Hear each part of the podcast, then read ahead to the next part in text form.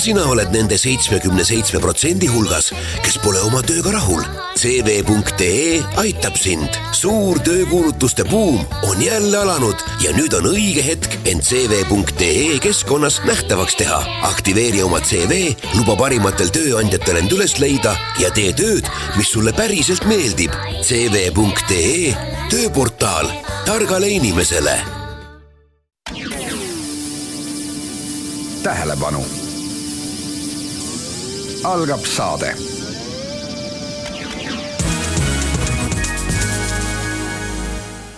tervist, head kuulajad, kell on kaheksa minutit kaks läbi, Kuku raadio reedene, kahekümne üheksanda märtsi saade alustab. stuudios on saatejuht Timo Tarve. täna on saade meil natukene piduline, saate esimesed poolteist tundi kohe päris kindlasti me tähistame, me tähistame NATO neil päevil toimuvat seitsmekümnendat sünnipäeva, aga eeskätt just täna toimuvat Eesti NATO viieteistkümnenda aasta liikmelisust ja sel puhul on meil külas välisminister Sven Mikser, tervist. tere päevast. tänasel tihedal päeval, kui tõepoolest NATO-ga seotud üritusi on palju ja pidutsemisüritusi ei saa üle ega ümber tegelikult ju loomulikult sellest, et praegu on hästi paljude poliitikahuviliste ja ajakirjanike pilgud ja kõrvad pööratud Stenbocki maja juurde ja räägime siis kaks sõna ka päevapoliitikast ja toimuvatest võimalike võimuleppe kõnelustest eile ületasite uudiskünnist nüüd äh, oma Facebooki postitusega. kaabud on valimisedust jõudu juurde saanud ja kolinud oma süsteemse trollimiskampaania küberruumi sotsiaalmeediumidest üles pärismaailma.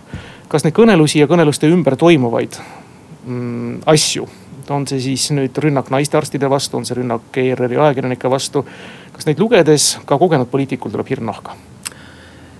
No kindlasti ei maksta parlamendisaadikutele ega Vabariigi Valitsuse liikmetele palka selle eest, et me hirmu tunneks. aga kindlasti on erakordselt oluline, et täna, kui me tähistame viieteistkümne aasta möödumist päevast, mil Eesti liitus NATO-ga ja õige kohe ka Euroopa Liiduga liitumisest viisteist aastat.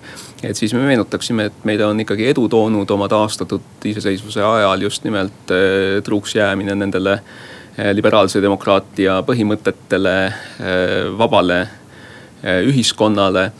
et oht, et neid asju hakatakse kuidagi pärssima või tagasi pöörama, et seda kindlasti ei tohi võtta ka väga kergelt et loomulikult võib öelda, et ajal, mil räägitakse läbi koalitsiooni moodustamise üle ja, ja see kõige reljeefsema sõnakasutusega partner selles uues võimalikus liidus on sunnitud ühest oma lubadusest teise järel taganema et siis võib-olla selline eh, seda reljeefsem kõnepruuk on mõeldud mõnes mõttes ka kompenseerima seda sisus eh, tagasiandmist. aga noh, teisest küljest ma olen üsna veendunud, et, et soovitakse ikkagi just nimelt muuta seda, seda mitte ainult poliitilist õhustikku, vaid, vaid tegelikult ühiskondlikku õhustikku Eestis. kus noh, nii nagu, nii nagu sotsiaalmeedia trollimise puhul, et eh, tehakse teatud arvamuste väljendamine arvajatele lihtsalt sedavõrd ebameeldivaks, et nad pigemini hoiavad suu kinni, et eh, sedasama saab eh, kasutada, on võimalik kasutada ka, ka päriselus. et näiteks tõepoolest siin ajakirjanike aadressil ikkagi väga väga agressiivselt, jõuliselt ja ähvardavalt äh, suud pruukides. noh, võib-olla öeldes küll järgmisel päeval kuidagi moka otsast, et äh, see kõik on kontekstist rebitud ja, ja lugege tähelepanelikumalt, et ma tegelikult ikkagi päris nii ei, ei mõelnud või ei öelnud. et siis ülejärgmisel päeval jälle midagi veel räigemat öelda. et see tekitab paratamatult äh, võimaluse, et vähemalt mõned äh, ajakirjanikud hakkavad seejärel viljelema sellist enesetsensuuri ja hakkavad ise ise hoiduma sellistest teemadest, mis võivad siis äh, kõige agressiivsemas osas publikust tekitada sellist valulist reaktsiooni. seesama postitus toob välja, et EKRE juhtide soov on juhtida tähelepanu kõrvale saavutuste vaestelt koalitsioonikõnelustelt ja praegu ütlesite ka, et äh, see koalitsiooni noh, kõige sõnakam osapool on siis sunnitud olnud taganema ühest valimislubadusest teise järel. on teil selle kohta vähe kindlamad andmed ja tegelikult on sellel küsimusel ka teine osa, et millist koalitsioonilepet me võime saada lugeda võib-olla tuleva nädala keskel? no on ju räägitud jah, küll siin äh, presidendivalimistest, küll Rail Balticust, äh, veel, veel mitmest muust, ütleme kooseluseadusest, samast abordiõigusest. et jah, tundub, et, et päris palju sellist ütleme väga selgelt Eesti senise poliitilise joonega vastanduvatest seisukohtadest on tagasi võetud või edasi lükatud. Ja, ja noh, kindlasti on ju teised kõnelustel osalevad osapooled märksa kogenumad ja suudavad võib-olla oma tahet just nimelt mingisugustes konkreetsetes sõnastustes ja tegevusplaanides rohkem kehtestada. aga eks me seda, seda konkreetsust või selle puudumist saame ju õige pea näha, et siiamaani tuleb öelda, et tegemist on olnud ühe kõige vähem läbipaistva läbirääkimisega koalitsioonide moodustamise ajaloos Eesti lähiaja poliitikas. Te kuulate saadet kuusteist minutit on kell üle kahe. täna viisteist aastat tagasi, president Lennart Meri seitsmekümne viiendal sünnipäeval oli siis põhjust heisata Brüsselis NATO peakorteri juures ka Eesti lipp. Eesti võeti üleatlandilise kaitseorganisatsiooni liikmeks.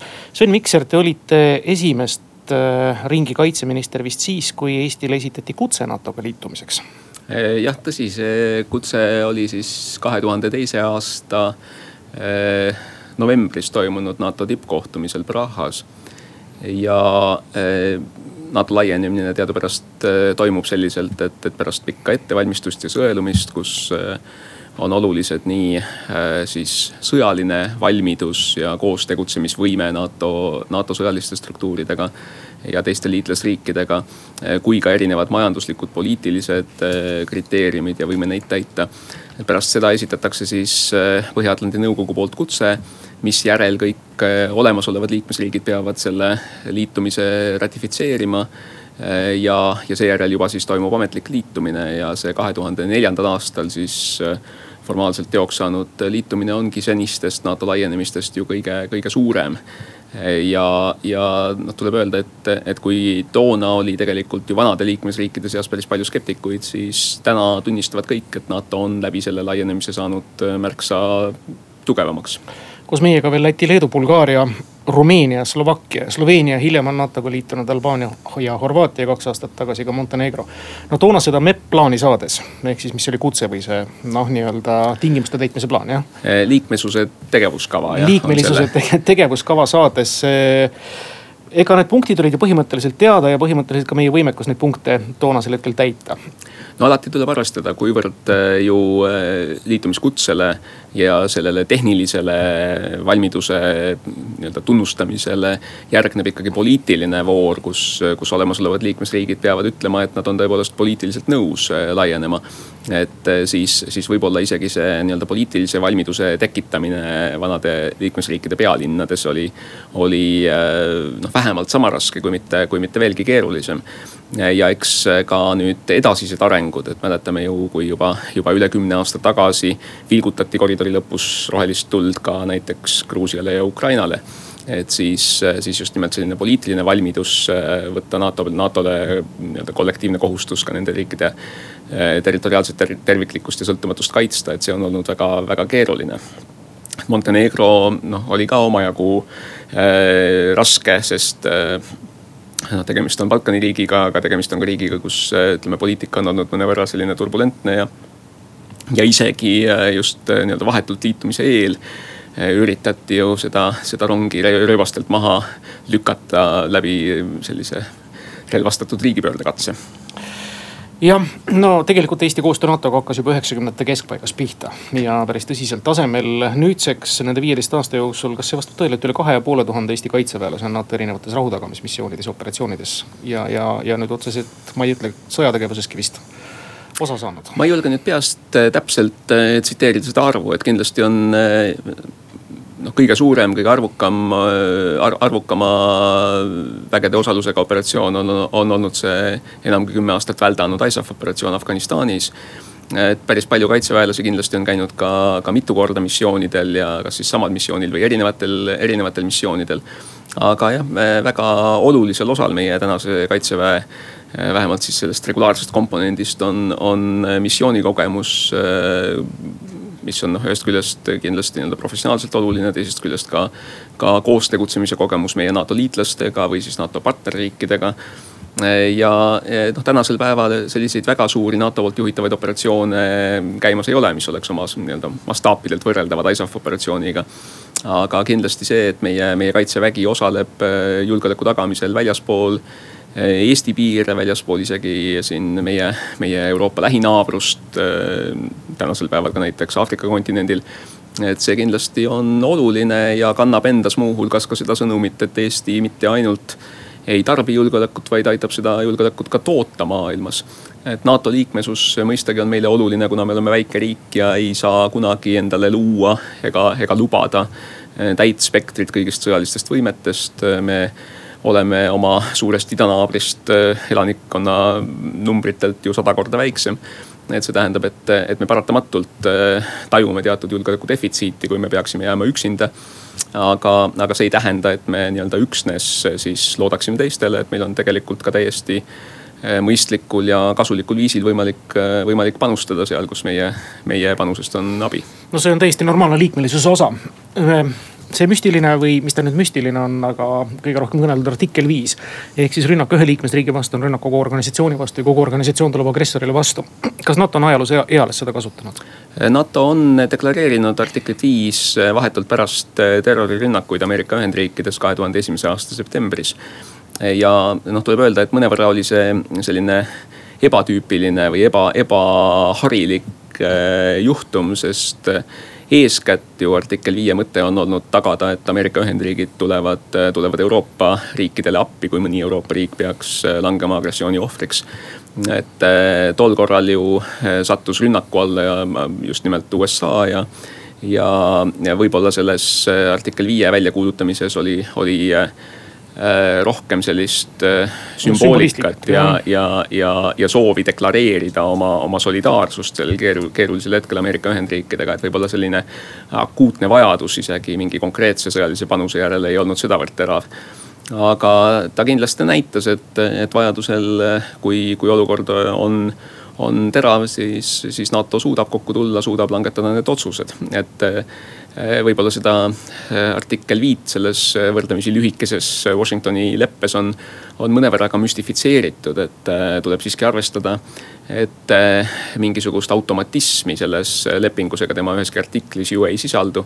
et iga kord selleks, et, selleks, et artikkel viit näiteks rakendada või ka artikkel nelja alusel käivitada konsultatsioonid, tuleb langetada laua ümber Põhja-Atlandi nõukogu tasemel siis vastav otsus ja see otsus peab olema üksmeelne. ja, ja, ja, alles seejärel saavad hakata siis üksikud liikmesriigid äh, artikkel viie raames näiteks panustama konkreetsete vägede või, või üksuste või sõjaliste võimetega nii et, äh, et kahtlemata see, et meil on olemas artikkel viis, on, on tähtis, aga, aga selle kõrval ei, ei tohi unustada seda ei, ei nii-öelda reaalsete sõjaliste võimete ettevalmistamist ja, ja selleks ressursside eraldamist, see kuulus kaks protsenti SKT-st.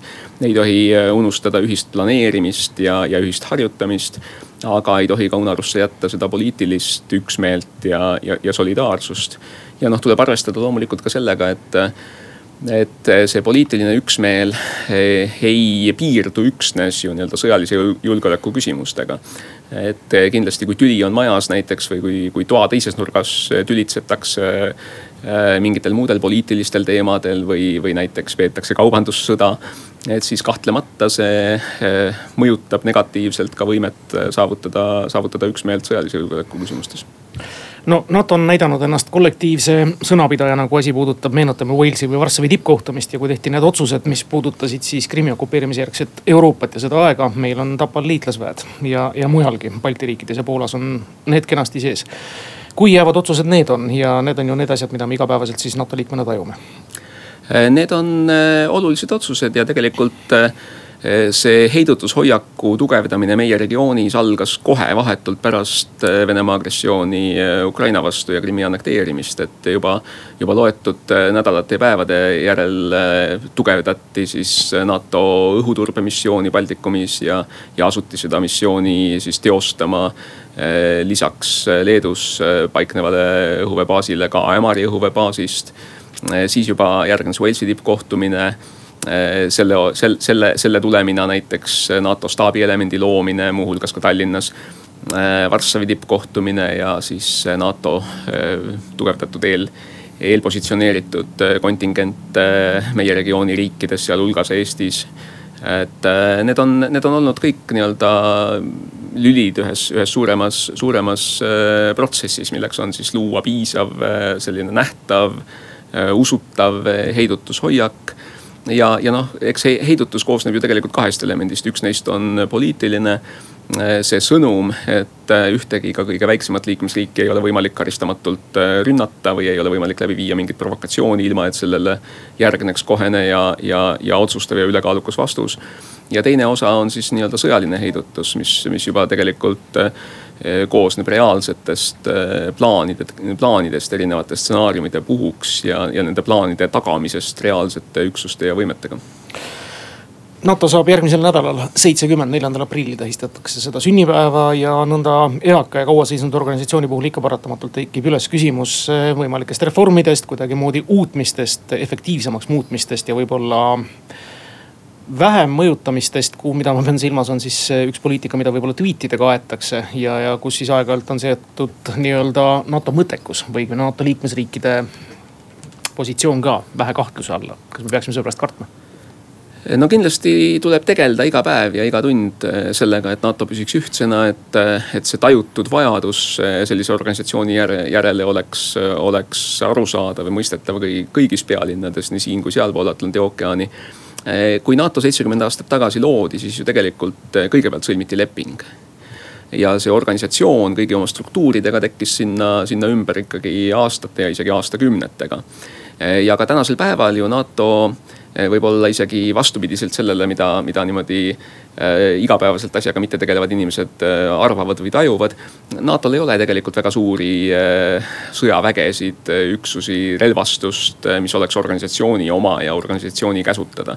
et NATO tegelikult see sõjaline muskel koosneb ikkagi liikmesriikide siis kaitsevägedest ja ja nende puhul selleks, et NATO kui organisatsioon oleks võimeline operatsioone läbi viia ja ühiselt tegutsema, on vaja, et, et oleks olemas ühtsed juhtimisstruktuurid, staabid, et oleks olemas ühtsed plaanid, mis on kokku lepitud, millega kõik on nõus, mis lähtuvad ühiselt mõistetud ohuhinnangutest ja, ja et oleks tegelikult ka tagatud see koostegutsemisvõime ja see oleks läbi harjutatud, et, et juhul kui tõepoolest tuleb, tuleb koos operatsiooni läbi viia, siis, siis kõik kulgeks võimalikult tõrgeteta. Ja, ja noh, see on olnud aastate jooksul, aastakümnete jooksul tegelikult pidevas kujunemises ja ümberkujunemises ja külma sõja lõpu järel võib-olla, kui see traditsiooniline peavaenlane oli nii-öelda ära langenud või vähemalt väga nõrk, siis NATO otsis väga pingeliselt omale võib-olla uusi väljakutseid ja, ja relevantsust selles olukorras. tänasel päeval on tegelikult väga suurel määral NATO naasnud oma algse tuumikfunktsiooni juurde. Te kuulate saadet kolmkümmend neli minutit on kell üle kahe. kuku raadio stuudios on külas välisminister Sven Mikser, vastamaks nüüd kuulajate küsimustele. hoiatame ka kuulajaid ette, kuna Sven Mikseril on järgmistele kohtumistele ja tegemistele kiire, siis me lõpetame tänase Vox Populi saate viis minutit varem, ehk siis viis minutit enne kella kolme. aga telefon stuudios kuus, kaks, üks, neli, kuus, neli, kuus ja see on helisõna, tervist. tervist, mul oleks kaks küsimust äh, meie välisministrile. esimene on seotud sellega, et lugesin ajakirjandusest, et hiljuti toimus Riias Vabadussamba juures intsident, kus äh, kaks, kui ma ei eksi, Ameerika kontingenti kuuluvat NATO sõdurit urineerisid Vabadussamba juures või selle peale. et minul tekib küll küsimus, et kuidas sellised inimesed hakkavad meie vabadust kaitsema, kui nende suhtumine on selline ja, ja et kas see on nagu teemana üleval olnud küll, et sellele on nagu kahjuks liiga vähe tähelepanu pööratud, minu jaoks ilmestab teatud osalt selle NATO kontingendi nagu suhtumist meie kolme Balti riigi vabadusse ja iseseisvusse. teine küsimus on paraku seotud nüüd härra Mikseri äh, retoorikaga, mis oli nagu saate algul, kus ta kritiseeris väga EKRE-t, et Sven Mikser äh, läheb ajalukku, Eesti välispoliitika ajalukku ilmselt kui kõige ropuma suuga välisminister ja see on ka Eesti äh, noh, Euroopa kontekstis väga erakordne, et kas te oleksite nüüd valmis näitama, et te erinete sellest nõnda nüüd EKRE retoorikast ja, ja vabandama avalikult praegu raadios kõigi Henn, nii Henn Põlluaasa kui Henn Põlluaasa valijate ees, et ta, et teda noh, ühel istungil teatud kohta saatsite. tänan. Alustades siis sellest Riia vabadussambast, et kahtlemata kõigi NATO liikmesriikide sõdurid peavad käituma väärikalt ja, ja eks selliseid kahetsusväärseid intsidente esineb, et sellisel juhul on kindlasti ka oma protseduurid ette nähtud, kuidas, kuidas nii-öelda oma mundriaule mitte vastavalt käitunud sõduritega siis ümber käiakse. Et äh, ülekaalukas osas, nii nagu Eesti kaitseväelased, nii kindlasti kõigi meie liitlaste kaitseväelased äh, on äh, igal ajahetkel valmis täitma oma, oma kõige olulisemat kohust, mis, milleks on siis nii-öelda oma riigi rahvuslike huvide kaitsmine ja ka oma liitlaste kaitsmine mis tahes välisohtude vastu.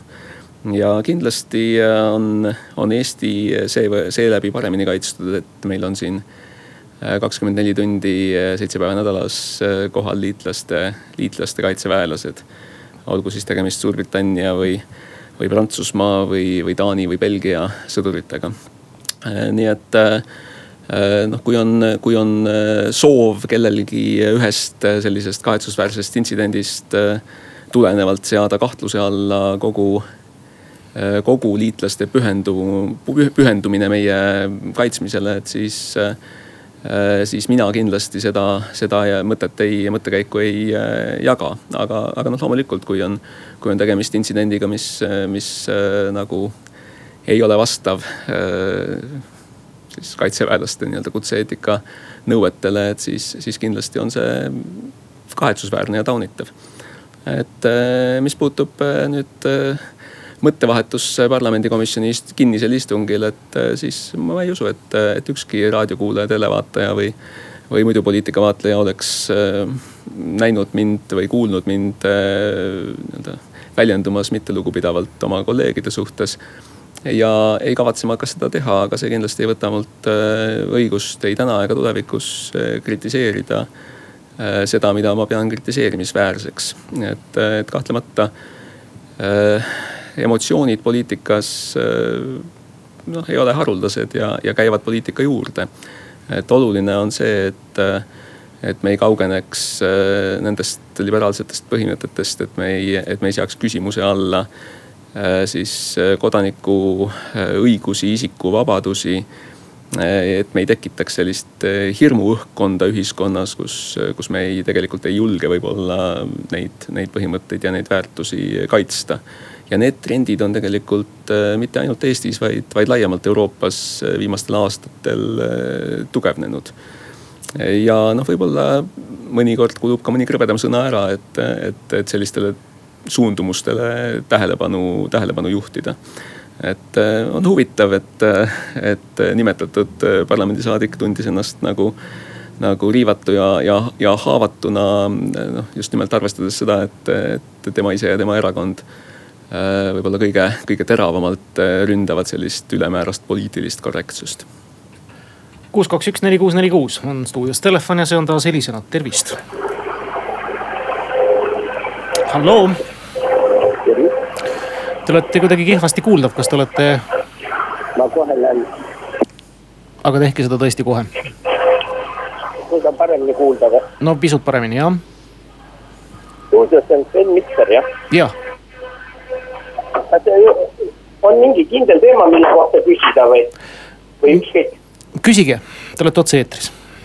ma tahtsin ta käest küsida, et ta oli seal Katrin Lusti saates, et kas poliitikule ongi kombeks ülbelt vastata ja minema sõita, kas see käibki poliitiku traditsiooni, traditsioonidesse või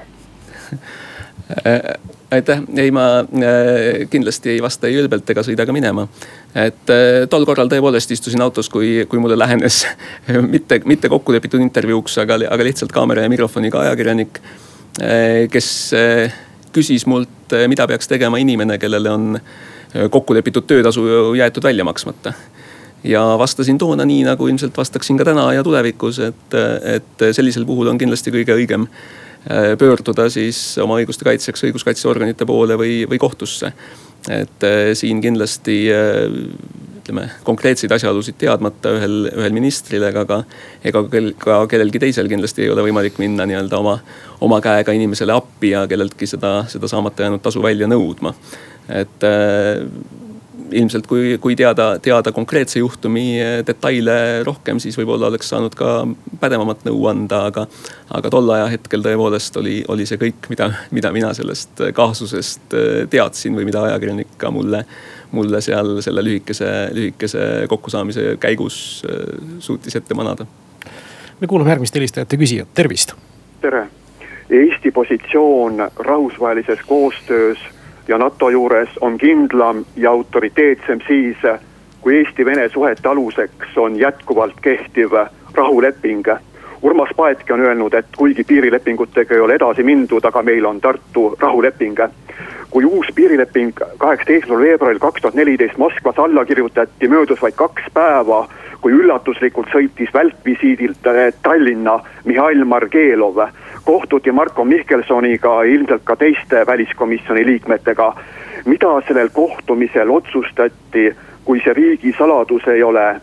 Ja olite teie seal kohal ja kas need läbirääkimised on seniajani siduvad, aitüma!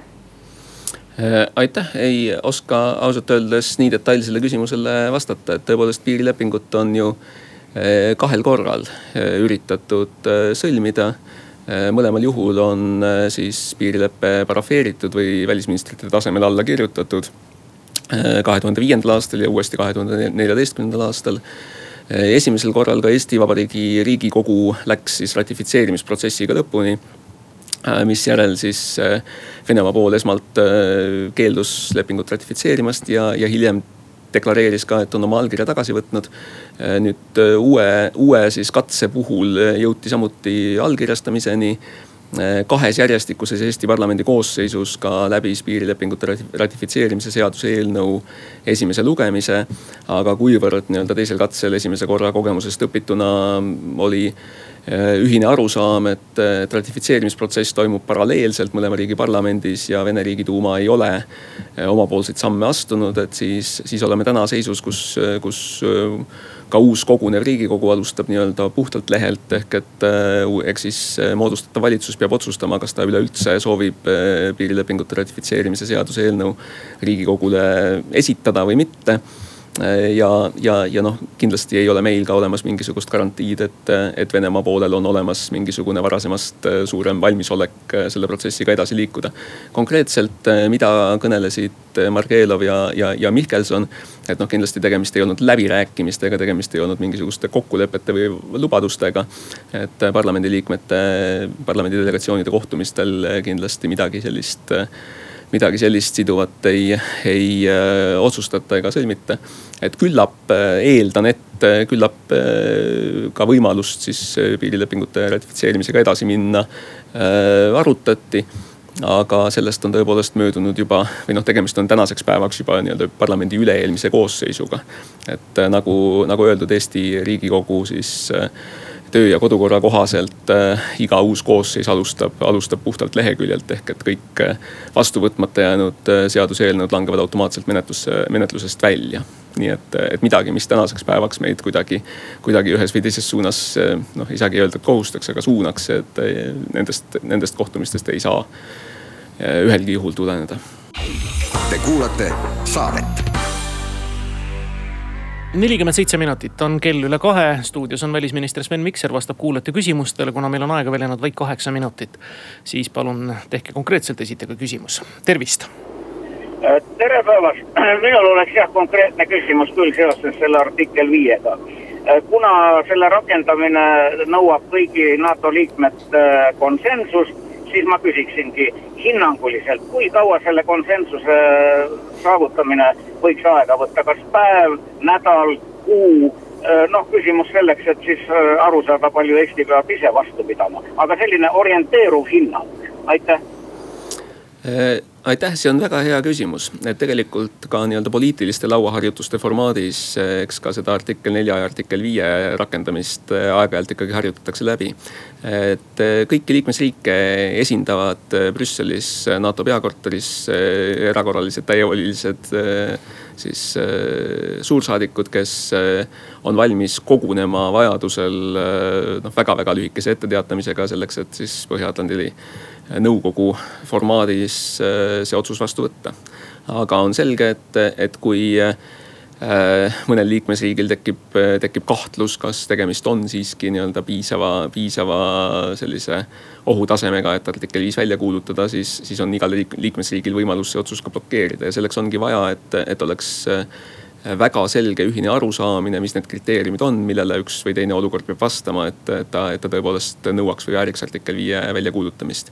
ja noh, loomulikult, eks siis see riik, kes on, on ise ohustatud või kelle vastu see rünnak on toime pandud, on, on eelduslikult selleks, kes seda artikkel viie väljakuulutamist ka eh, taotleb, et eh, see, see ka, ka see ei juhtu nii-öelda iseenesest, et eh, mingi jumaliku märguande peale nii et, äh, et tegemist on äh, poliitilise otsusega ja seda on täiesti võimatu öelda, et eeldus on, et kui tegemist on ikkagi relvastatud rünnakuga, agressiooniga ühe liikmesriigi vastu, siis see poliitilise nii-öelda deklaratsiooni tegemine, et artikkel viit rakendatakse, ei, ei tohiks võtta palju tunde aega. Aga nagu me teame, ka ohupilt on muutuv ja, ja viimastel aastatel räägitakse väga palju äh, Äh, hübriidohtudest äh, ja, ja on selge, et see agressor võib tegelikult üritada äh, üritada siis seda survet järk-järgult tugevdada ja, ja, ja kasutada võib-olla mittetraditsioonilisi siis sõjapidamise meetode, mille puhul on keerulisem öelda, kas nüüd tegemist on sõjalise rünnakuga või veel ei ole tegemist sõjalise rünnakuga. ja, ja, ja seetõttu kindlasti ka, ka NATO peab väga, väga hoolikalt siis kõiki neid võimalikke ohupilte kaardistama ja ja kokku leppima, et mis siis tegelikult on see artikkel viis äh, olukord. ja järgmine helistaja liinil, tervist. Äh, tervist, mul on välisministrile küsimus. kas tema teab, äh, mida läheb Eesti Vabariigi president tegema Moskvasse? ja aitäh selle küsimuse eest, et jah Moskva on Eesti, Eesti suurimaid ja olulisemaid välisesindusi, Moskva saatkond, mida on päris pika aja jooksul väga põhjalikult äh, renoveeritud ja, ja uus taastatud saatkonna hoone saab pidulikult avatud ja seda ka vabariigi president Moskvasse tegema läheb. et kas nüüd äh, selle visiidi raames toimub ka mingeid kõrgetasemelisi poliitilisi kohtumisi, näiteks Venemaa presidendiga. et äh, sellele on, on täna veel vara, vara vastata, et selle, sellekohaseid kokkuleppeid ei ole, aga, aga presidendi äh, kavandatava visiidi peamine eesmärk on tõepoolest siis äh, piisava pidulikkuse ja, ja avaliku tähelepanuga taas avada meie, meie Moskva saatkond, renoveeritud saatkonna hoone ja viimase küsimuse esitab saatejuht täna, kahekümne üheksas märts, lisaks sellele, et on Eesti NATO liikmelisuse viieteistkümnes aastapäev, pidanuks olema ka see päev, kus me oleme Euroopa Liidus ilma Suurbritanniata. aga mis seisus me täna sellega siis oleme ja, ja kas te olete aru saanud, mida need britid siis teevad? Nad täna hääletavad vist nüüd viimast korda oma mm, võimalikku Euroopa Liidust lahkumise lepet. kas Euroopa Liit on neile andnud mingisuguse taganemistähtaja, noh pikenduse ja, ja mis seisus me siis täpselt oleme? Äh, no tõepoolest, kaheteistkümnendaks aprilliks peaks nüüd olema selge, kas äh, siis liitumislepingu põhine lahkumine saab teoks või mitte. Äh, sellele järgneval päeval tegelikult on, on siis ka viimane tärmin, kui, kui britid saaksid omaenda siseriiklike seaduste kohaselt välja kuulutada Euroopa Parlamendi valimised, mille noh, mille, mille osas ma, ma ei näe küll ühtegi indikatsiooni, et nad oleksid valmis seda tegema. täna tõepoolest hääletatakse siis nendest varasematest hääletustest erinevalt üksnes lahkumislepingut et sellest on siis selleks hääletuseks lahutatud tulevikusuhete deklaratsioon aga praegusel hetkel äh, tundub äh, võrdlemisi vähetõenäoline, et see hääletus võiks anda siis äh, peaminister Theresa May jaoks positiivse tulemuse, kuivõrd ikkagi selline Brexiteeride tuumikgrupp või siis selliste Brexitit pooldavate tooride, konservatiivide tuumikgrupp on jätkuvalt vastu ja, ja pisut teistel põhjustel on vastu ka siis konservatiivide koalitsioonipartneri demokraatliku unionistide partei esindajad ja, ja leiboristid samuti ei ole vähemalt oma ülekaalukas enamuses teatanud, et, et nad oleks valmis meie tingimustel lahkumislepingut toetama. Nii et eh, kui see, kui see hääletus täna tulemust ei anna, et siis on tõepoolest kell veel teinud ühe kella osuti veel, veel, veel ühe suure sammu selle, selle tähtaja suunas, mil, mil saab teoks ikkagi lepinguta lahkumine ja selleks äh, mõistagi Euroopa Liidu allesjääjad liikmesriigid äh, komisjoni koordineerimisel ja juhtimisel on teinud äh, ettevalmistusi. et see lahkumine ka, ka sellisel juhul toimuks võimalikult väikeste häiringutega meie nii-öelda nii kodanike igapäevaelus kui ka, kui ka tegelikult nende ettevõtete jaoks, kes siis ühte või teistpidi üle selle tulevase Euroopa Liidu ja Suurbritannia piiri äri teevad et kindlasti see ei saa juhtuma juhul, kui, kui tõepoolest see ebasoovitav stsenaarium käivitub, ei saa juhtuma igasuguste tõrgeteta, et siin kindlasti tuleb eba, ebameeldivusi ette. noh, kõige rohkem on puudutatud kindlasti jääjatest äh, Iiri äh, vabariik äh, kellel, kes nii majanduslikult kui ka julgeoleku mõttes on ju, on ju väga, väga selgelt Brexitist mõjutatud. aga kindlasti noh, meie, meie üritame teha kõik, mis võimalik, et Eesti kodanikud ja Eesti ettevõtted võimalikult ladusalt saaksid mis tahes arengu puhul edasi, edasi tegutseda ja toimida. resümeerime siis nii, et kui täna tõesti Briti parlamendis see lahkumislepe läbi kukub, mida ta suure tõenäosusega kukub, siis leiab aset kosmonautika päeval, kaheteistkümnendal aprillil hard Brexit no eks kindlasti on paljudes peades ka veel, veel nii-öelda viimase hetke plaane võimalik haududa, et kuidas, kuidas siiski seda, seda stsenaariumi vältida, sest noh. väga suure enamusega ka Suurbritannia parlamendi alamkoda on ju deklareerinud, et nad, nad seda leppeta lahkumist ei soovi. aga kahjuks on see nii-öelda default solution või see on siis see, see asi, mis, mis juhtub iseenesest juhul, kui milleski muus soovitavamas vahepeal kokku ei lepita suur tänu teile, Sven Mikser, ilmselt mõnda aega nüüd viimast korda välisministrina täna Kuku stuudiosse tulemast, soovime teile edu, jõudu. aitäh